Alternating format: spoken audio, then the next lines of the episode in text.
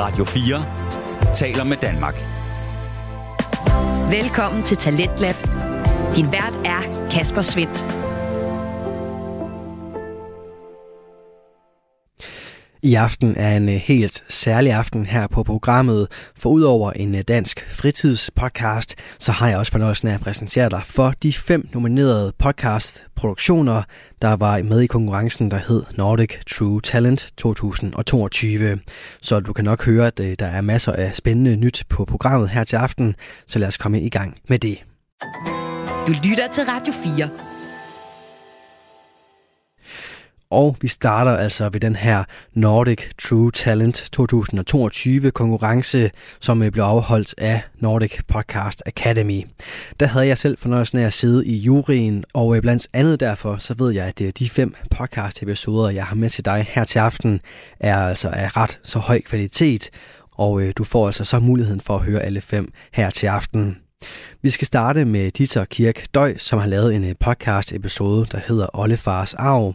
Og øh, hun stiller blandt andet det her spørgsmål om, hvad man stiller op med en øh, genetisk arv, der består af havvand og fiskerliv, og så også et savn efter mågeskrig og sømandsviser. Alt det, det undersøger hun blandt andet ved at prøve at finde ud af, hvad der egentlig er blevet af de gamle fiskere, og øh, hvordan øh, den rejse gik, kan du høre lige her. Mange af os tænker på arv i hvert fald ret ofte, som en fysisk arv. Ting som huse, biler, eller små ting som paraplyer og porcelæn. Mm. Men når alt kommer til alt, så forbinder flest af os nok en arv med penge. Men det, der ved arv altid har optaget mig, det er den genetiske arv. Den biologiske sammensætning af mine forfædre – der er overført til mig. Der flyder vand i mit DNA. Min oldefar var fisker på vestkysten. Og det forklarer måske mit behov for at være på vandet. Jeg lever i København og har i over 30 år boet på båd i havnen. I de første mange år af mit bådliv var Københavns Havn en, i hvert fald for den tid, helt almindelig industri- og fiskerihavn. Jeg købte fisk af de rare fiskere, om morgenen, når de på ombord på deres kutter og kom ind gennem havnen i de der tidlige, disede morgentimer, og de så lige lagde til ved kajen. De var på vej ind mod fisketorvet, der dengang virkelig var et fisketorv, med fisk og fiskefabrik og det hele. Nu er fiskerihavnen blevet til en folkepark med bådudlejning, sejlende musikfester og, og glade badegæster. Jeg er nysgerrig må det også er sådan i min barndomshavn? Findes der overhovedet fiskere længere i en dansk havn? Jeg følger i min oldefars kølevand, så hvis du har lyst, så kom med på min mission. Find en fisker.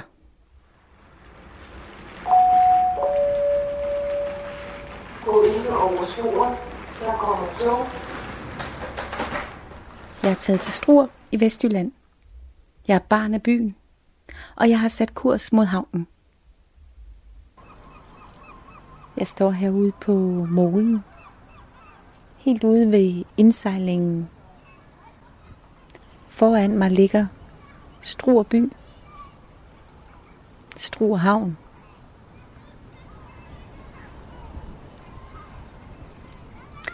Den havn, der engang var den næststørste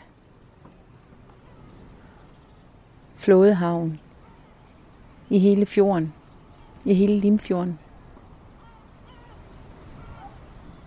Det eneste, der minder bare en lille smule om det fiskerliv, der var engang.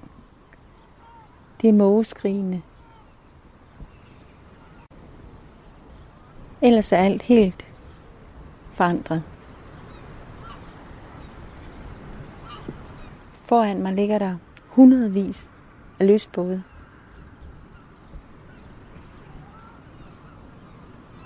Og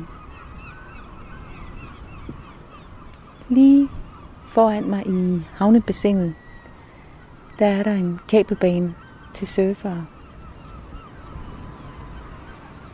Lidt længere inde i, i løbet, der er der en funpark. Kæmpestor badelandsplatform ude i vandet. Jeg har besluttet mig for at drage til Venø. Den lille ø i fjorden, hvor min oldefar sejlede min mor over til en tante, når hun havde skoleferie, og hvor vi hentede juletræ, da jeg var barn.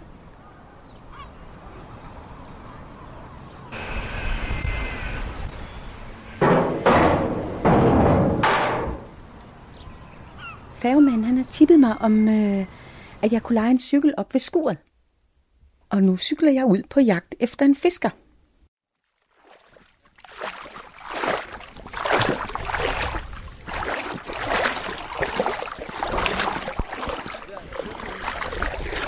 Det er koldt. Det er faktisk ubehageligt temmelig koldt. Men øh, okay. Jeg er her, og det er Limfjorden. Og det er salt. Det er dejligt. Mm. Mm. Jeg elsker saltvand. Mm. Og ligge her i vandet, og jeg får næsten lyst til at bryde ud i sang. Limfjordens vande. Den sang vi altid til. Uh, så blev det så dybt. okay, jeg havde lige glemt, hvor lums det er, det her lille farvand her. Uha. Der var lige meget dybt lige pludselig. okay, okay. Jeg har cyklet øen rundt. Jeg har badet. Jeg fandt en kutter op i Venø Havn. Men ingen ombord. Ingen fiskere. Jeg har ikke set så meget som et par vaders. Ikke engang løsfisker. Og nu drager jeg ned mod færgelejet, og jeg bevarer håbet, for det kan jo være, der er kommet en båd ind i mellemtiden.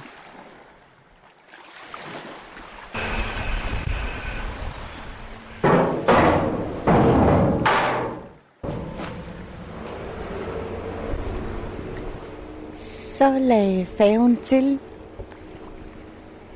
på Venø, og jeg kan nu komme tilbage til Struer. Det bliver herligt at komme ud og sejle. Måske den rare færgemand vil tale med mig. Kan du mærke, at havnelivet her også har ændret sig? Eller hvad med inde i Struer?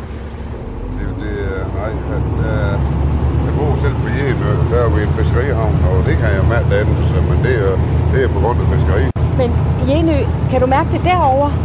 Ja, der sker jo så meget, som det gjorde engang, der, der, var, der, var, der, der, der var fisk i fjorden. Der, der skete der meget mere på de forskellige havne. Mærke nu, at fiskene de har forladt fjorden. Det kan vi. Der er kun muslinger tilbage i fjorden. Ja. Det er... Sådan et Det, sted som Lemvig, der, var- det var en stor fiskerihavn også før. Det er lyst på havn det hele nu. Alt, alt fiskeri forsvinder jo ud af, det forsvinder jo efterhånden helt ud af landet. Jo. ja, det gør det Så nemlig. Ja. det dør lige stille og roligt. Ja.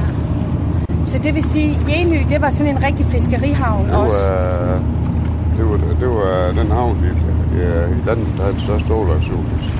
Det største hvad? Åleaktion, Åleaktion, er det rigtigt? ja. Nå, Det er lille havn, men vi havde aktion på en, og det var der, der blev landet flest ål i hele landet. hold da op, så er det der, vi fik ål fra i min barndom, kan jeg det er næsten jeg forstå. næsten helt sikker på. Ja, Øh, med fisk fra, fra Jene, der var vi 17 både inde i den havn, der bare var fiske med åltravl, plus alle bundgårdsfiskere og dem, der brugte pæl. Og... Men der var også 17 skiver, der, der slæbte med åltravl. 17 skiver. Ja. Og Nu er, er nu, er, ja, nu, nu er der tre muskelskiver tilbage i den. og det er Og muslinger, det, er de det, henter det, ja, det er kun muslinger. til øh, altså østers og blåmuslinger. Ja, det er og... øst, østers og blåmuslinger. Ja, ja, ja. Hold da op. Så det vil sige, at du har simpelthen været fisker. Ja, Så har- fandt jeg min fisker. Jeg havde sådan tænkt, hvis jeg kunne være så heldig at finde en fisker, så er færgemanden fisker. ja. Ej, hvor er man det er heldig. næsten alle færre, men Er det gamle ja, fiskere? det er gamle fiskere. De fleste af dem i hvert fald.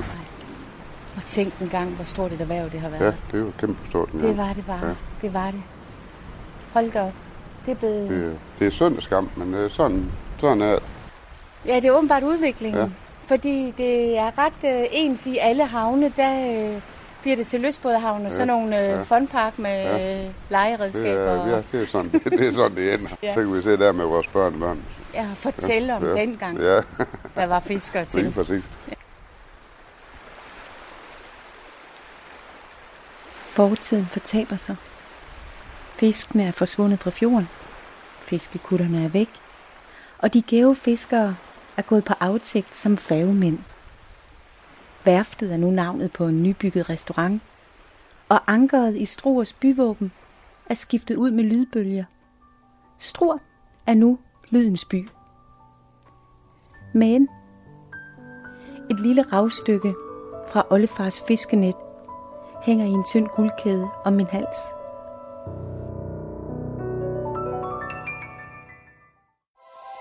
Radio 4 taler med Danmark.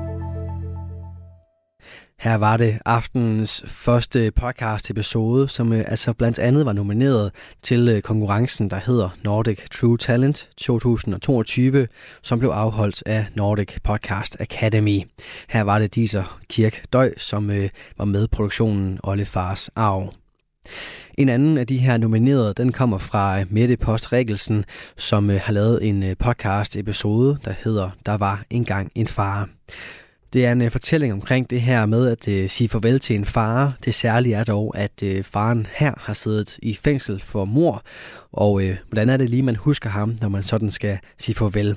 Det er det, som uh, Mette Post Regelsen hun, har lavet en fortælling om lige her. Der var engang en far.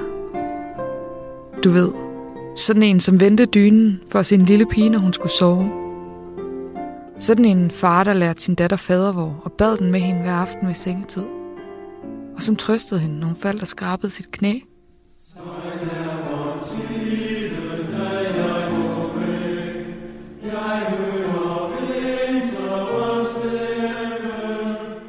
Der var engang en far, som sang i kor. Du kan måske ane hans klangfulde tenor i mængden –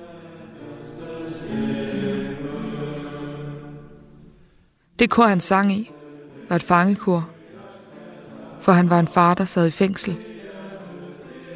En far, der havde begået et mor.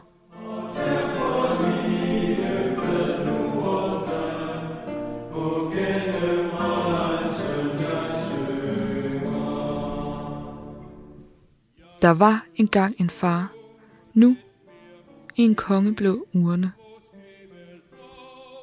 Det er Marie-Louises far, der er i urnen. Omhyggeligt pakket ned i et rødt stofnet afventer han sin sidste rejse.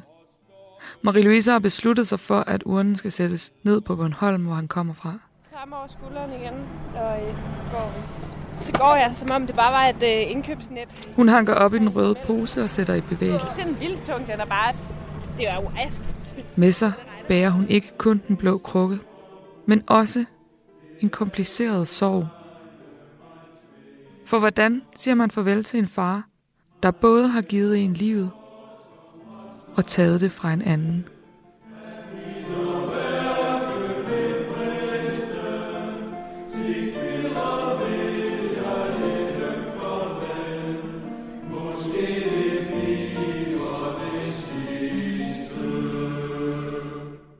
Skibet er i havn om få minutter.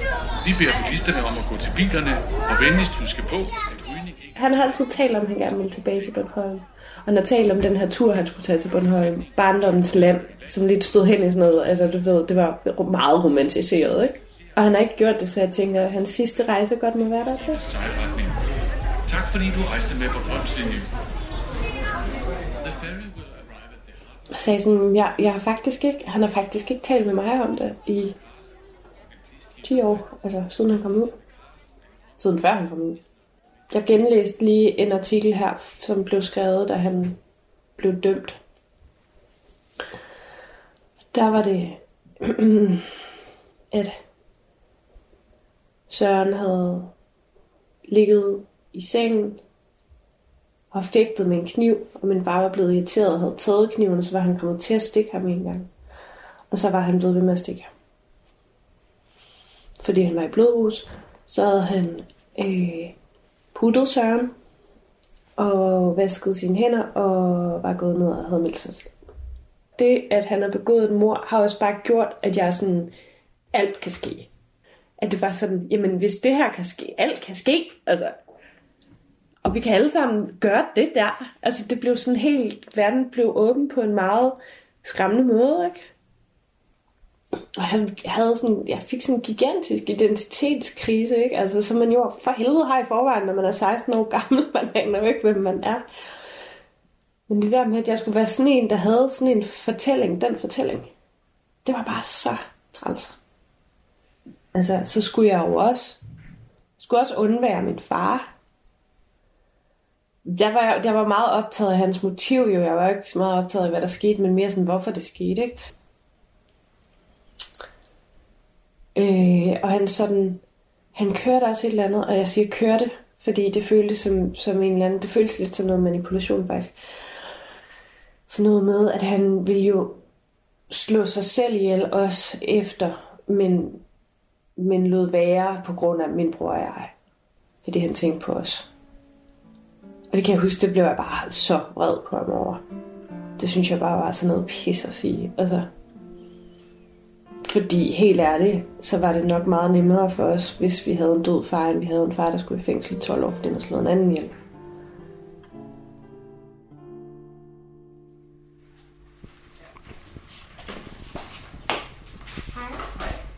Jeg kommer øh, fra en urnenedsættelse af her kl. 11, har jeg en aftale. Ja. Ja. I har urnen med, ikke også? Jo. Er der, øh, nu spørger jeg, hvordan det ser ud, er der, er der sådan en hank i urnen? Der er sådan, der er sådan små snore. Ja. Fint. Så, men, men så hvis I bare mødes her kl. 11, så Ja. kommer vores... Ja. Okay, tak. Når man bærer rundt på en urne, så kan man godt få fornemmelsen af at have den døde med på slæb. Ikke som en egentlig rejsekammerat, men mere i en fortættet, komprimeret form. Som en menneskelig essens, eller måske som en far i en nødskal. Han er verdens bedste frikadeller, og han er ekstrabladet, og han er øh, uopfyldte aspirationer, og han er øh, forsøget på at gøre noget rigtig godt og helt konsekvent fejl. Skal jeg bare sætte den ned? Ja, det må du gerne. Så ikke noget med de her snore? Jo. Jo, med snorene jo. Ja. Jeg har ikke prøvet det før. Øh, ja, ej, det er egentlig ret sørgeligt, men sådan, sådan tror jeg egentlig, jeg så ham ret meget, og oplevede ham ret meget, at han prøvede, og han ville, og han var ude af stand til. Ja. Da jeg var barn, så havde vi en tysk ruhåret hønsehund. Det var en virkelig sød hund. Når jeg tænker på min far i sådan en positiv billede eller syn, så, øh, så var, havde han så havde han Konrad med, som var hundens navn. Og så gik de tur, og min far var øh, fri og rolig.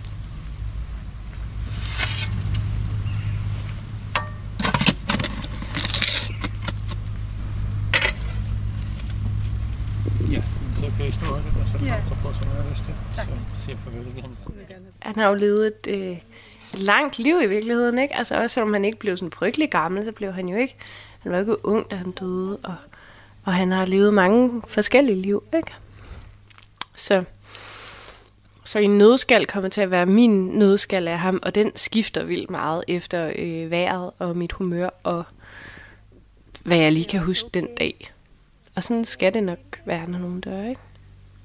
At de får lov til at have alle de dimensioner, som man selv besidder, og alle de farver og humører og sådan noget, man selv har også. Så de følger med.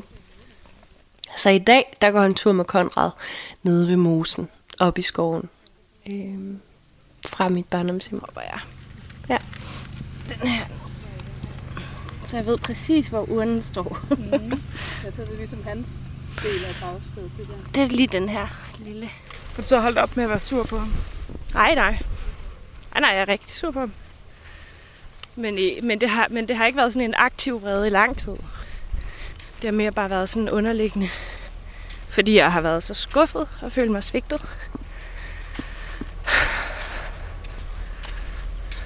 Øhm. Jeg er ret sikker på, at den også bliver mindre med tiden. Men det ved jeg ikke. Det kræver noget tid. øhm, og jeg har føler, jeg har aftalt med ham, at jeg skal synge ham afsted med en sang, han var rigtig glad for. Men det er en keltisk bortsendelsessalme, øh, og min far har en tilknytning til den, fordi han var med i fangekoret i Horsens statsfængsel. Og min far, han var enormt vild med den, og, og skrev den til mig i et brev. Altså teksten. Og, og den er jo meget passende til at sende nogen bort med. Egentlig.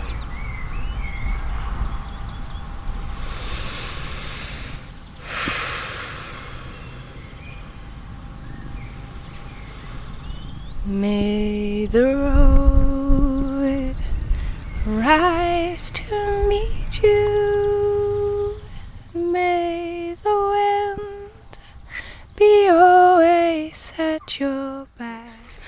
Jeg skal ikke gøre mere nu.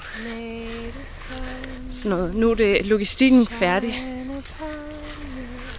Det er jeg virkelig lettet over. Og så kan jeg få lov at savne ham og elske ham og mindes ham i stedet. And may the rain fall softly on your fields until we meet again. May God hold you in the palm of his hand.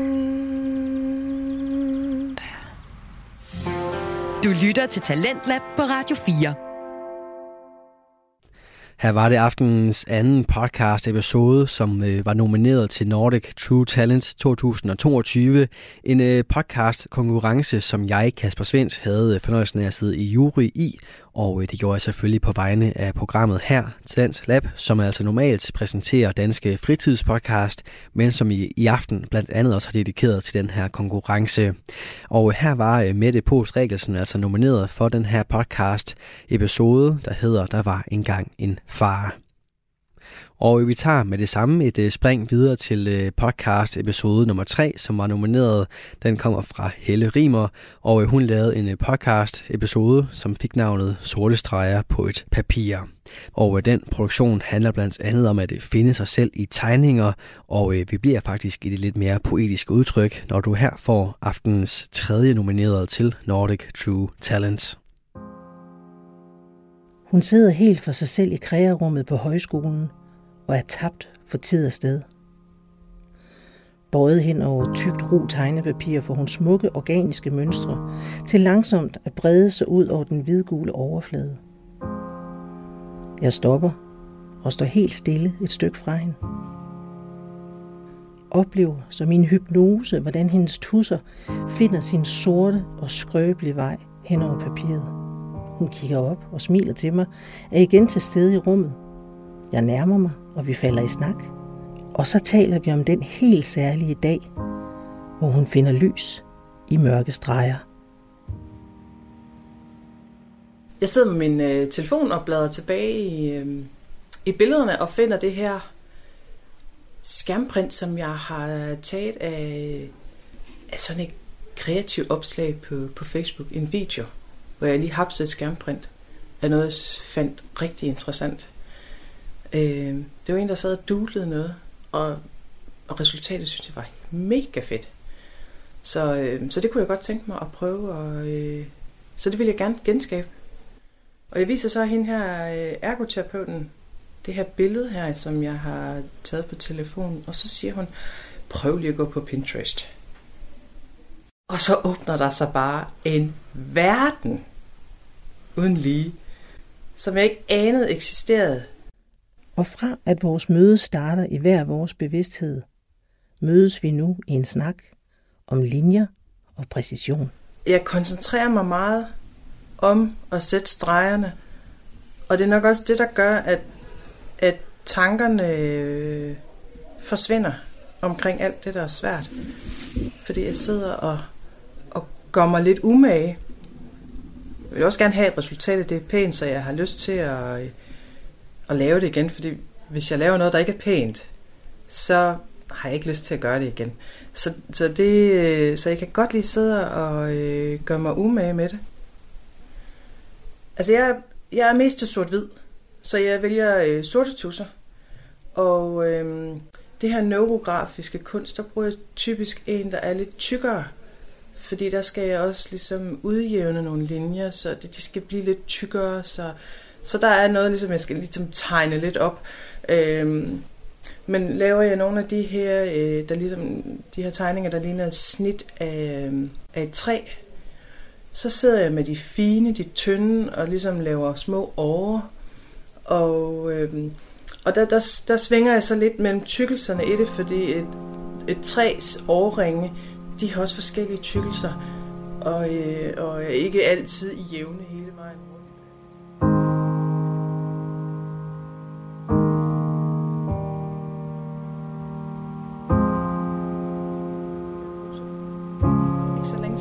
2014, som ligesom øh, det er en mindfulness metode. Øh, I stedet for at man ligger på gulvet og dyrker mindfulness, så er det ligesom en mindfulness i kunsten det her. Og det begynder med, at man starter med at lave tilfældige linjer, og man laver tilfældige cirkler. Fordi fra naturens side, der kan hjernen ikke lide hårde linjer eller skarpe hjørner. Og så, så derfor har hjernen det allerbedst med at runde øh, afrundinger. Og, og det giver hjernen ro, når man sidder og laver dem. Og det må jeg bare sige, jeg har aldrig nogensinde kunne finde ud af mindfulness, ligge på gulvet og tømme hovedet eller noget. Men det gør jeg i det her. Jeg har aldrig nogensinde tegnet før, og nu tegner, tegner jeg rigtig meget, og det er bare godt en måned siden, jeg begyndte på det. Og skruer vi tiden godt en måned tilbage, sidder hun sammen med ergoterapeuten på den psykiatriske afdeling med mørke tanker og en øredøvende mangel på lyst til lys og liv. Og nu sidder hun her og fortæller mig, at den fordømte mindfulness er så meget andet end blå yogamotter og blid musik. Jamen, neurografisk kunst har været med til at, ligesom at, at reparere mig. Det har været med til at hjælpe mig til at slippe nogle af, af de øh, træls tanker, jeg, øh, jeg til tider får. Fordi at det, det flytter mit fokus. Øh, og det, giver, det, det afstresser, det giver ro på indersiden.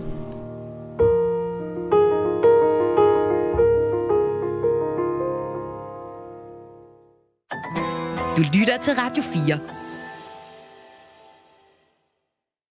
Og øh, her var det Helle Rimer, som øh, med podcast episoden Sorte Streger på et papir, altså var nomineret til Nordic True Talent 2022, en øh, pris, som blev uddelt af Nordic Podcast Academy. Og øh, der fik jeg altså lov at sidde i juryen til, og øh, blandt andet derfor så gennemgår jeg altså de fem nominerede podcast-produktioner her til aften i programmet her på Radio 4, som præsenterer nye stemmer, fortællinger og holdninger.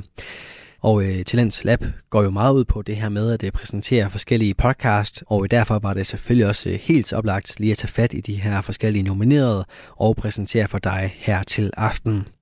Og øh, nu der skal vi have fat i den øh, fjerde af slagsen. Den kommer fra Ruth Sillemann, og øh, hun var blandt andet nomineret for en episode, som var en del 2 af en podcast-serie omkring Danmarks ældste almene seniorbofællesskab, Midgården.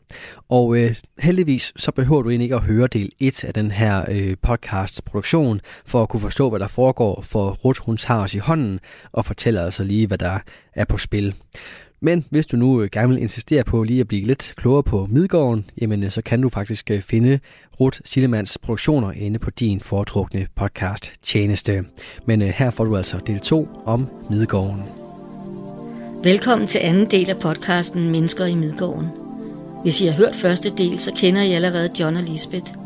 De bor i et seniorbofællesskab, der hedder Midgården, og det ligger i to opgange i Mjølnerparken i København. Vi skal med John og Lisbeth til Midgårdens 35-års fødselsdag. Ja, så gammelt er det faktisk. Det bliver både en glad og en trist dag, men det skal I nok komme til at høre mere om. Først skal vi nemlig med til et studenterarrangement, som de gamle i Midgården hvert år holder for de unge nyudklækkede studenter i Mjølnerparken. Hele dagen har de ældre knoklet for at stable arrangementet på benene. Alt er næsten klart til, at gæsterne lige om lidt skal komme, og John han er i fuld gang med at fortælle en god historie. Du har hørt historien med guldur? Nej, nej, nej.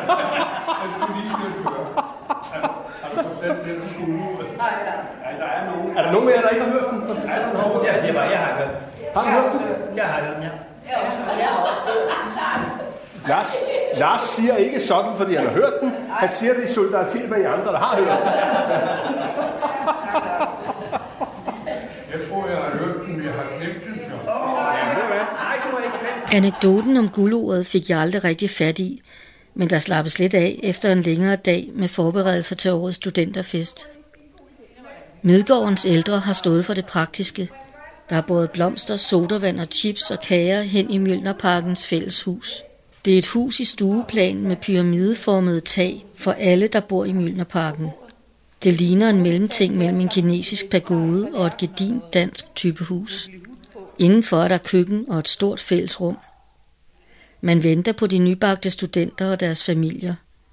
De er ikke kommet endnu, så jeg når lige at høre, at fælleshuset skal rives ned.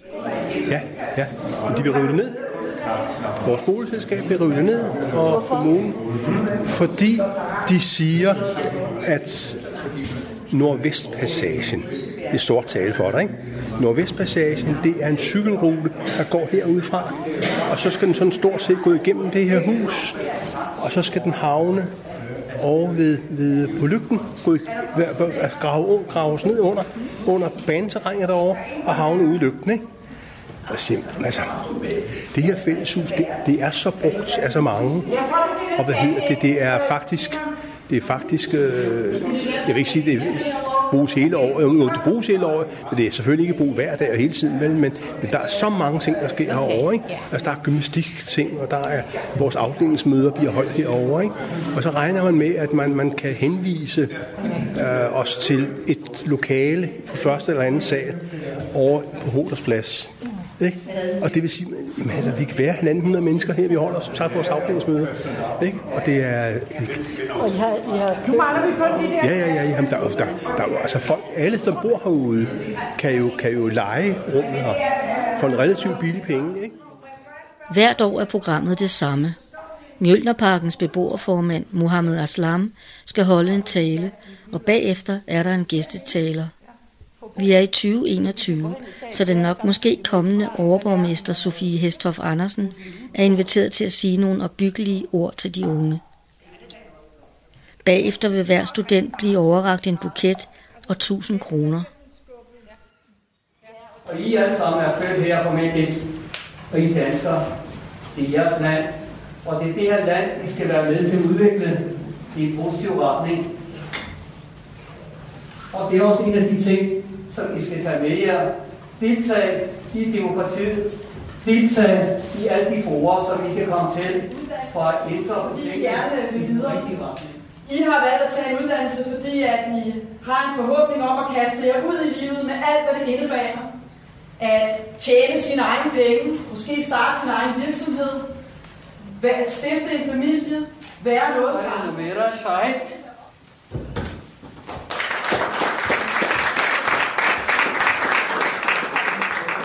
Jeg har Next Limshusgymnasium. Ja. Det har været tre gode, hårde, fantastiske. Øhm, og jeg har tænkt mig at tage en ingeniøruddannelse inden for produktudvikling. Sådan. Så er det Aya Fadi Abdul, nummer 68, anden til venstre. Lærke, Ja. og planen er selv på medicin. Sådan. Så er det Monika, nummer anden, nummer to på skolen til venstre. Uh, jeg gik også på Nørrebro Gymnasium, og jeg vil gerne studere uh, kemiingeniør. Jeg fik så afsluttet på Nørrebro Gymnasium, og min plan er, at jeg skal studere socialrådgiver. Forhåbentlig. Det er så sådan, at øh, vores fotograf står klar til at Stine kan have taget nogle individuelle billeder, eller billeder med jeres familiemedlemmer. Men først skal vi have taget et fælles billede. Hvor vil du have det? Se, se alle ansigterne? Yes. Sådan. Tusind tak. Hvad med et billede, hvor der kun er studenterne? Ja, men det er vi jo. Vi er studenter alle sammen. Det er ikke sikkert, at I kan alle jer op på væggen.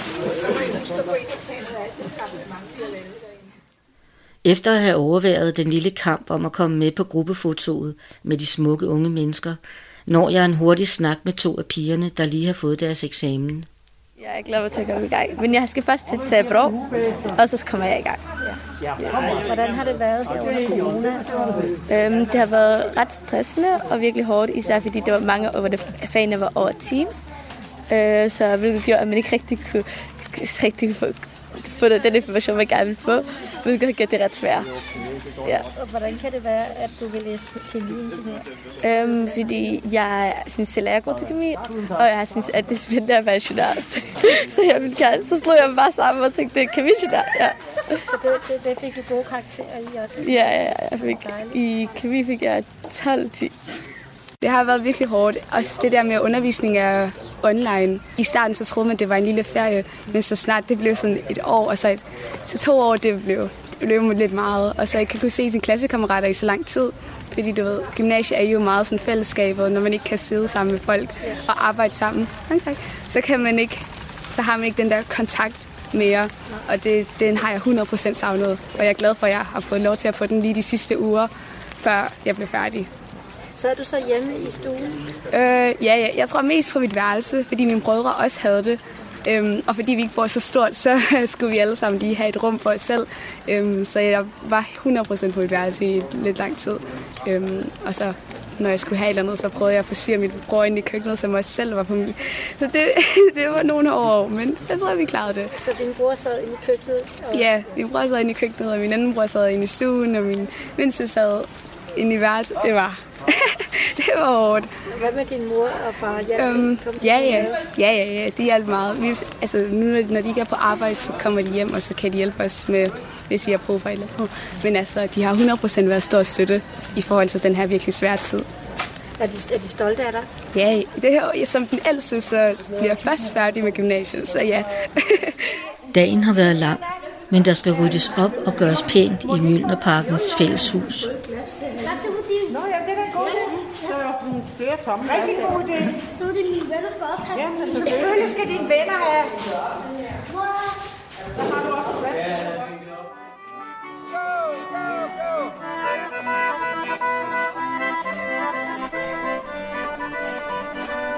Nu er der gået et år siden studenterne blev fejret, og det er sommer 2022.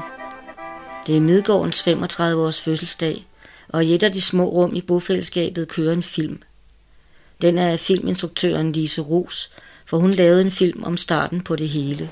Uh, det kom så på den måde, at uh, jeg blev alene. Så når det første chok det har sat sig, så tænker man, hvad, hvad skal du egentlig stille op med uh, resten af din tilværelse? Og så er det, hvis man, uh, hvis man ikke har lyst til at gå ind i et nyt parforhold, hvad er alternativet så? Problemet det er, at alting, uh, man gør, det gør man alene. Og jeg er ikke mig selv nok. Til sidst så råber væggen til en. Og uh, held i uheld, så uh, slår jeg om på min radio på, på program 1. Det var vist familiespejlet, så vidt jeg husker.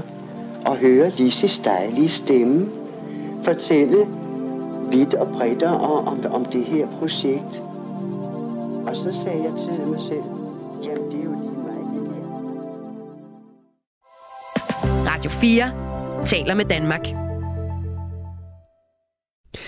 Og øh, her var det del 2 af Ruth Sillemanns fortælling om Midgården, Danmarks ældste almene seniorbofællesskab, og øh, det fik du i øh, Talents Lab, et øh, program her på Radio 4, som øh, normalt præsenterer danske fritidspodcast, men øh, som i aften også blandt andet præsenterer dig for de nominerede til Nordic True Talent 2022 konkurrencen en øh, prisuddeling som øh, blev afholdt af Nordic Podcast Academy og hvor jeg Kasper Svendt altså fik lov at sidde i juryen og øh, dermed blandt andet også fik hørt den her podcast produktion fra Ruth Sillemann. Nu har vi været igennem de fire første nominerede til øh, prisen, og øh, nu der skal vi så have fat i vinderen. Og øh, den podcast episode er lavet af Simon Schmidt. Produktionen hedder Jeg skriver dit navn på et stykke papir, og det er en stærk fortælling om tab og sorg, og om at finde meningen i det meningsløse. Udover at alle fem podcast-episoder selvfølgelig var af ret høj kvalitet og, og egentlig også øh, viste nogle forskellige discipliner, så øh, vandt Simon Schmidt altså konkurrencen blandt andet for hans evne til at øh, binde mange forskellige elementer sammen, og så også for at have en ufattelig stærk historie. Jeg vil ikke sige så meget andet, end at øh, jeg synes, du skal sætte dig tilbage og nyde de her 9,5 minut, når du her får Simon Schmidt prisvindende Jeg skriver dit navn på et øh, stykke papir. Hver mandag skriver jeg dit navn på et stykke papir, så jeg ikke glemmer.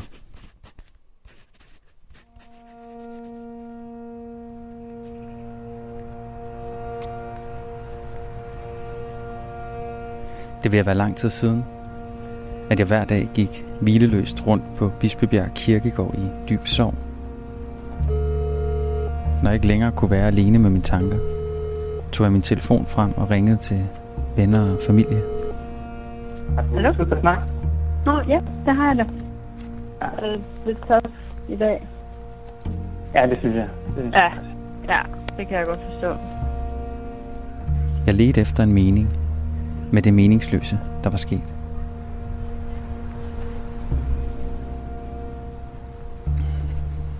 Jeg går rundt på Bispebjerg Kirkegård i Nordvestkvarteret. Det var her, jeg gik rundt,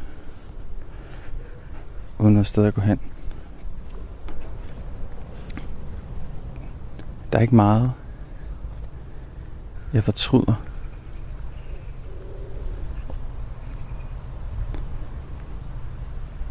Men da sygeplejersken spørger om vi vil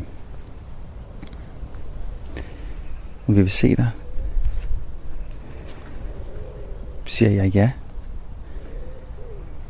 Hun kommer ind med dig i en lille bakke. Vi ligger hold om hinanden og kigger på dig. Ser hvor fin du er. Helt gennemsigtig men så smuk.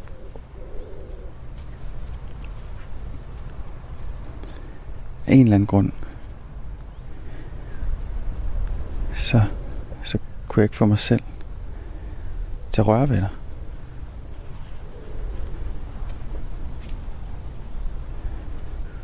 Det fortryder jeg stadigvæk, når jeg tænker på dig.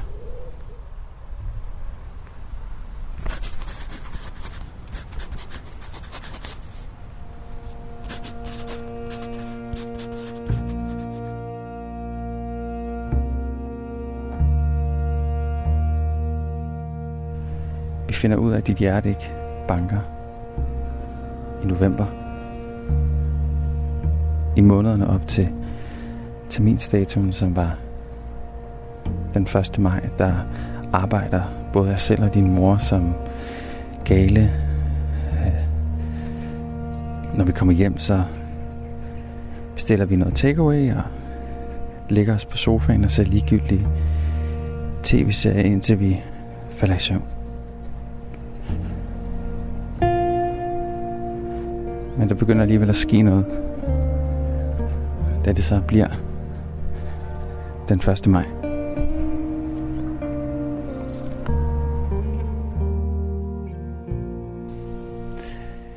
Øhm, I går, da jeg faldt i søvn på sofaen.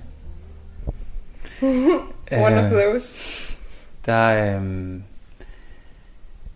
da, da jeg vågner, der, der kan det godt være, at den er over midnat. Det ved jeg ikke. Ja, det er det. Der får jeg bare sådan et helt vildt kraftigt billede af, at jeg holder øh, vores datter i hånden. Men det var ret stærkt. Det er lidt sådan, jeg har det sådan, at den her dag, den kan godt føles lidt som et kapitel, der slutter. Jeg ved ikke, hvordan du har det. Jeg tror, det kom lidt bag på mig egentlig, at det allerede var nu. Jeg ved godt, det er lang tid siden, men jeg tror bare sådan... Jeg har nemlig også set det som sådan en, en milepæl, og, og netop lidt, blev sådan lidt overrasket over, at, at øh, ja, det er gået så hurtigt alligevel, fordi det har, jo, det har jo føltes som enormt lang tid. Altså hele det her, den her proces, men, men lige de sidste par måneder, synes jeg, det er gået meget hurtigt. Hvor jeg ikke kan lade være med at tænke på sådan, hvordan selvfølgelig vi ikke have været alt igennem alt det, men også sådan, wow, hvor var der egentlig ikke så lang tid til, at vi havde fået et rigtigt barn. Mm. Eller et levende barn, ikke? Ja. Og det var også det, jeg synes helt klart var sværest i lang tid. Det var det der med, at jeg følte, jeg havde mistet noget, og jeg følte også, at jeg ligesom havde, jeg havde påtaget mig det, at jeg skulle være far, og følte, nu var jeg sådan lidt allerede ved at blive det. Og så blev det taget væk fra mig. Men der kan jeg huske, du sagde noget sådan i januar eller sådan noget. At jeg var bare blevet far. Men det er, det er det jo. Bare på din egen måde. Altså, du bestemmer selv, hvad det skal betyde. Altså, Er du selv blevet mor, synes du? nogle dage synes jeg, nogle dage synes jeg ikke. Mhm.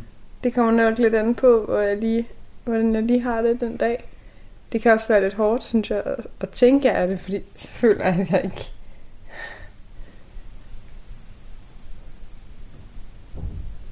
At jeg jo ikke gør noget, eller sådan.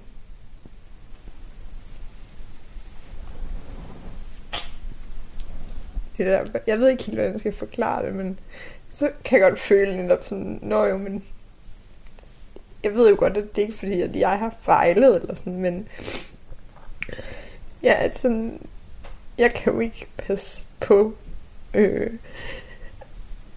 et barn, fordi der er ikke noget at passe på. Altså, så, så synes jeg, det er svært at tænke på, at ja, fordi det er ligesom er kernen, tror jeg, for mig i at være mor. Det er altså, det er ligesom, der er nogen, der skal tage mig af, eller sådan, der skal... Mm. Ja.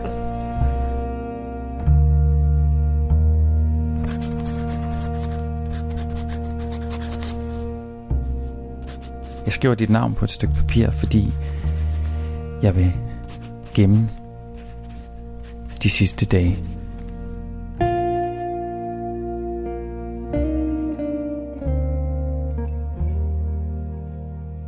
Når jeg gik min daglige ture herinde på kirkegården i en lang tid efter, så en af de tanker, jeg tit havde, var, hvad er et liv?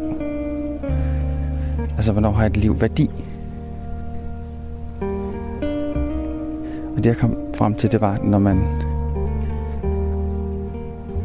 man har haft værdi, når man har haft en effekt på andre mennesker. Og det havde du i særdeleshed. Fik du mig til at komme meget tættere på min mor og min far og min søster og min lillebror. Og også på min kæreste. I den dybe sorg over at miste dig, fandt vi hinanden på et dybere plan, end jeg troede var muligt. Og det har trøstet mig, hver gang jeg, jeg stadigvæk bliver ked af det. Det er, at til trods for, det kun var 18 uger, du var inde i en mave, så var det ikke ligegyldigt.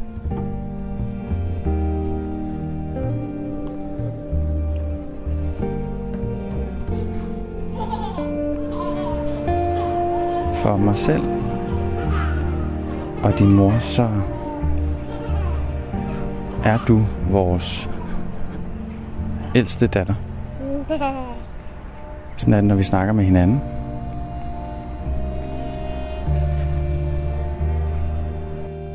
dag, så får din lille søster at vide, hvem du var, og hvor vigtig du er.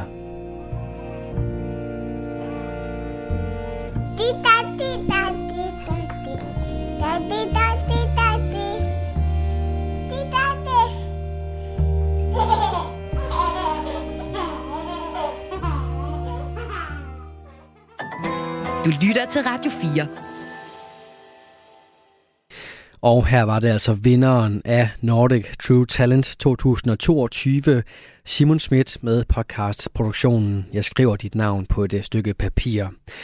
Nordic True Talent var en øh, prisuddeling, som øh, jeg var så heldig at sidde i juryen til, og øh, det gjorde jeg selvfølgelig på vegne af Talents Lab-programmet her på Radio 4, som øh, normalt præsenterer danske fritidspodcast, men øh, som vi altså også lige fik lov til at øh, vise dig lidt fra det her podcast Vækslag, som øh, i den grad sprudler af talent.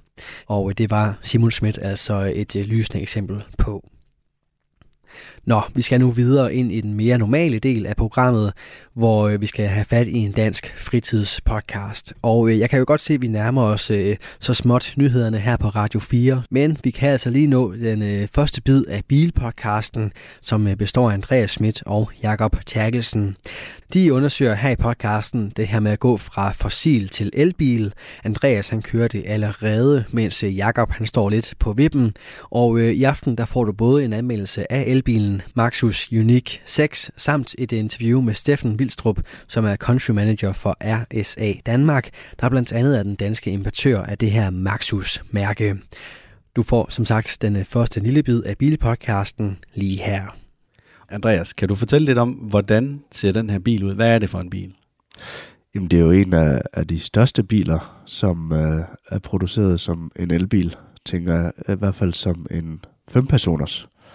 Fordi der er selvfølgelig lavet varevogne og sådan noget, som er større, ikke? Jeg synes jo, øh, i bund og grund, at øh, der er ekstremt meget plads. Altså, så. Ja, det, det kommer vi også ind på i forbindelse med testen her. Ja, lige præcis. Men det er jo øh, ja, et vanvittigt stort køretøj, og i Kina, der kan du faktisk få den med syv personer. Ja, det giver rigtig god mening, fordi der er virkelig meget plads.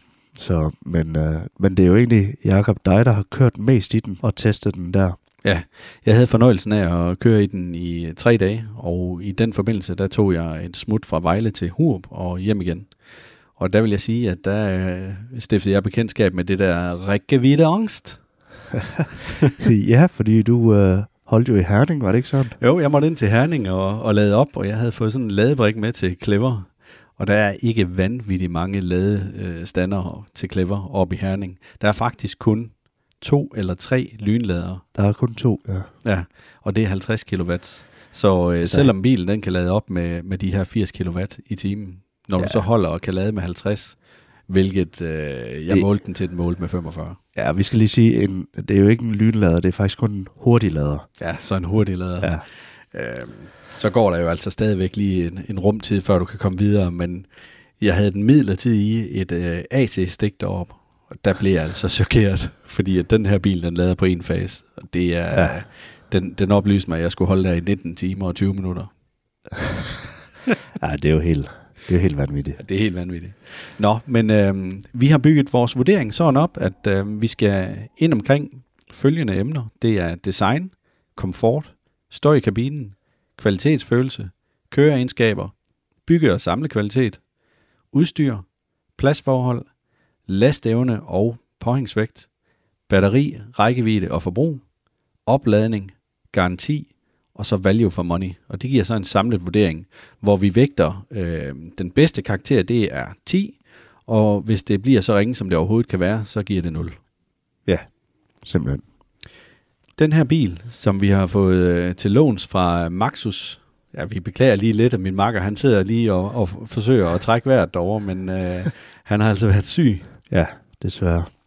Men bilen, som vi har lånt her, det er en øh, standardbil. Alle deres biler er jo egentlig standard, fordi de har maxi udstyr, som de siger. Det vil sige, at, at du egentlig ikke kan tilkøbe yderligere udstyr ud over en trækkrog og så metallak, og det er den her bil med. Så normalt så fås bilen fra 414.900 kroner, og den her testmodel, den kostede så 434.070 kroner, inklusiv moms. Ja, det er faktisk det samme, som øh, Tesla gør jo de har jo heller ikke noget ekstra udstyr, som de kan proppe i. Der får du også bilen med alt. Og så kan du købe nogle software ting til den, men, øh, men ellers anhænger træk også. Så der er heller ikke så meget af den der. Nej, det er vel også farver, at man kan tilkøbe der, ikke? Jo, lige præcis. Radio 4 taler med Danmark. Og ja, der var altså ikke tid til så meget andet her fra Bilpodcasten med Andreas Schmidt og Jakob Terkelsen her i time 1 af Talent Lab. Men du får selvfølgelig hele den resterende episode i næste time. Vi skal dog lige først have et par nyheder her på Radio 4. De kommer din vej fra verdens bedste nyhedsoplæser.